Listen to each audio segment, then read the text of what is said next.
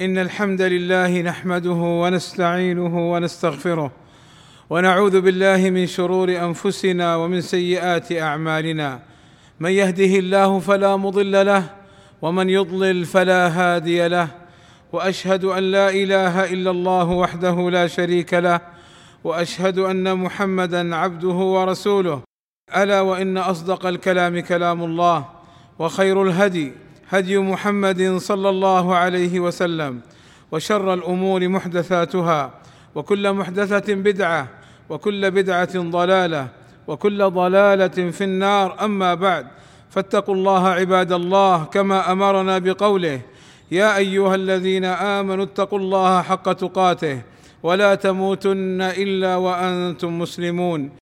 عباد الله إن الدين الإسلامي دين رحمة ورأفة وعدل يدعو إلى حسن الخلق مع المسلم والكافر المعاهد وهو الذي بيننا وبينهم عهد على عدم الحرب والاعتداء أو المستأمن وهو الذي دخل بلاد المسلمين وله الأمان قال الله تعالى وأوفوا بالعهد إن العهد كان مسؤولا أي أوفوا بالعهد الذي عاهدتم الله عليه والذي عاهدتم الخلق عليه إن العهد كان مسؤولا أي مسؤولين عن الوفاء به وعدمه فإن وفيتم فلكم الثواب الجزيل وإن لم تفوا فعليكم الإثم العظيم.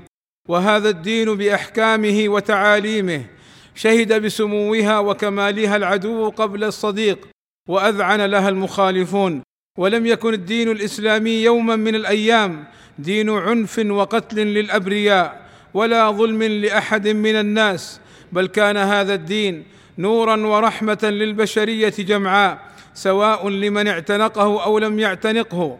فقد حرم الظلم والاعتداء على الآخرين وحرم القتل والسلب والنهب وإشاعة الفوضى والذعر وحرم كل صور الظلم.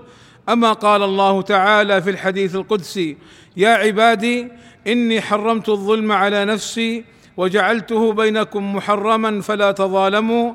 عباد الله إن قتل الأبرياء ظلم وفساد في الأرض. فعن ابن عمر رضي الله عنهما قال قال رسول الله صلى الله عليه وسلم لن يزال المؤمن في فسحة من دينه أي في سعة ما لم يصب دما حراما. وقال عبد الله بن عمر رضي الله عنهما إن من ورطات الأمور أي الأمور المهلكة التي لا مخرج لمن أوقع نفسه فيها سفك الدم الحرام بغير حله. وقال صلى الله عليه وسلم من قتل معاهدا لم يرح رائحة الجنة وإن ريحها توجد من مسيرة أربعين خريفا.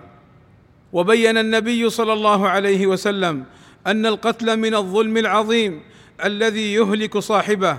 قال صلى الله عليه وسلم اجتنبوا السبع الموبقات أي المهلكات الشرك بالله والسحر وقتل النفس التي حرم الله إلا بالحق. فبين صلى الله عليه وسلم أن القتل من الموبقات أي من الأمور المهلكة لأصحابها. والله أسأل لي ولكم التوفيق والسداد وأن يغفر لنا الذنوب والآثام. إنه سميع مجيب الدعاء. الحمد لله رب العالمين. والصلاة والسلام على المبعوث رحمة للعالمين وعلى آله وصحبه أجمعين عباد الله. إن قتل البريء ظلما لا يجوز وإن كان كافرا. قال تعالى إنما السبيل على الذين يظلمون الناس ويبغون في الأرض بغير الحق أولئك لهم عذاب أليم. وقال تعالى ولا تعتدوا إن الله لا يحب المعتدين. وقد غضب النبي صلى الله عليه وسلم لما رأى في الحرب أن من القتل النساء والصبيان من المشركين فعن ابن عمر رضي الله عنهما قال وجدت امرأة مقتولة في بعض المغازي فنهى رسول الله صلى الله عليه وسلم عن قتل النساء والصبيان وإن حسن الخلق مع الكافر مدعاة لإسلامه وكم أسلم وآمن من رأى حسن الأخلاق في الإسلام من العدل والرحمة والخير. قال أنس رضي الله عنه إن غلاما من اليهود كان يخدم النبي صلى الله عليه وسلم فمرض فأتاه النبي صلى الله عليه وسلم يعوده أي يزوره فقعد عند رأسه فقال أسلم فنظر إلى أبيه وهو عند رأسه فقال له أطع أبا القاسم صلى الله عليه وسلم. فأسلم. فخرج النبي صلى الله عليه وسلم وهو يقول الحمد لله الذي أنقذه من النار. فتأملوا هذا الموقف العظيم والتعامل السامي من النبي صلى الله عليه وسلم مع اليهودي بزيارته اولا وجلوسه بقربه عند رأسه ثانيا وبدعوته للإسلام ثالثا وبفرح النبي صلى الله عليه وسلم لإسلامه. وحمد الله أن أنقذه من النار. فلا إله إلا الله. كم هو دين رحمة وعدل وأخلاق. وكم يحاول أعداء الإسلام أن يصوروا الإسلام في صورة العنف والظلم والوحشية. وللأسف الشديد فإن بعض الأفعال التي تصدر من بعض المسلمين قد تكون سببا في صد هؤلاء عن الإسلام. والإسلام من أفعالهم وأخلاقهم بريء. وقد تكون سببا في تشويه صورة الإسلام. والإسلام دين خلق ورحمة ورأفة. إن دين الإسلام دين رحمة وبركة وإحسان. وحث على منفعة نوع الإنسان.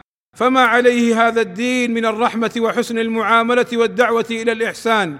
والنهي عن كل ما يضاد ذلك. هو الذي صيره نورا وضياء بين ظلمات الظلم والبغي. وسوء المعاملة وانتهاك الحرمات. وهو الذي جذب قلوب من كان قبل معرفته ألد أعدائه حتى استظلوا بظله كما ذكر ذلك أهل العلم. ولا يجوز ظلم الكافر ولو كان كافرا فإنه ليس بين دعوة المظلوم حجاب دون الله عز وجل ولو كان كافرا كما أخبر النبي صلى الله عليه وسلم. عباد الله إن الله وملائكته يصلون على النبي يا أيها الذين آمنوا صلوا عليه وسلموا تسليما. فاللهم صل على محمد وأزواجه وذريته كما صليت على آل إبراهيم وبارك على محمد وأزواجه وذريته كما باركت على آل إبراهيم إنك حميد مجيد. وارض اللهم عن الخلفاء الراشدين أبي بكر وعمر وعثمان وعلي وعن جميع أصحاب النبي صلى الله عليه وسلم والتابعين لهم بإحسان وعنا معهم بمنك وكرمك يا أكرم الأكرمين. اللهم آتنا في الدنيا حسنة وفي الآخرة حسنة وقنا عذاب النار. اللهم اغفر للمسلمين والمسلمات والمؤمنين والمؤمنات الأحياء منهم والأموات. اللهم وفق ولي أمرنا الملك سلمان بن عبد العزيز وولي عهده الأمير محمد بن سلمان لما تحبه وترضاه. وأصلح بهما البلاد والعباد واحفظهما من كل سوء. اللهم أيدهما بتأييدك ووفقهما بتوفيقك وأعز بهما الإسلام والمسلمين. والصلاة والسلام على المبعوث رحمة للعالمين وعلى آله وصحبه أجمعين. والحمد لله رب العالمين.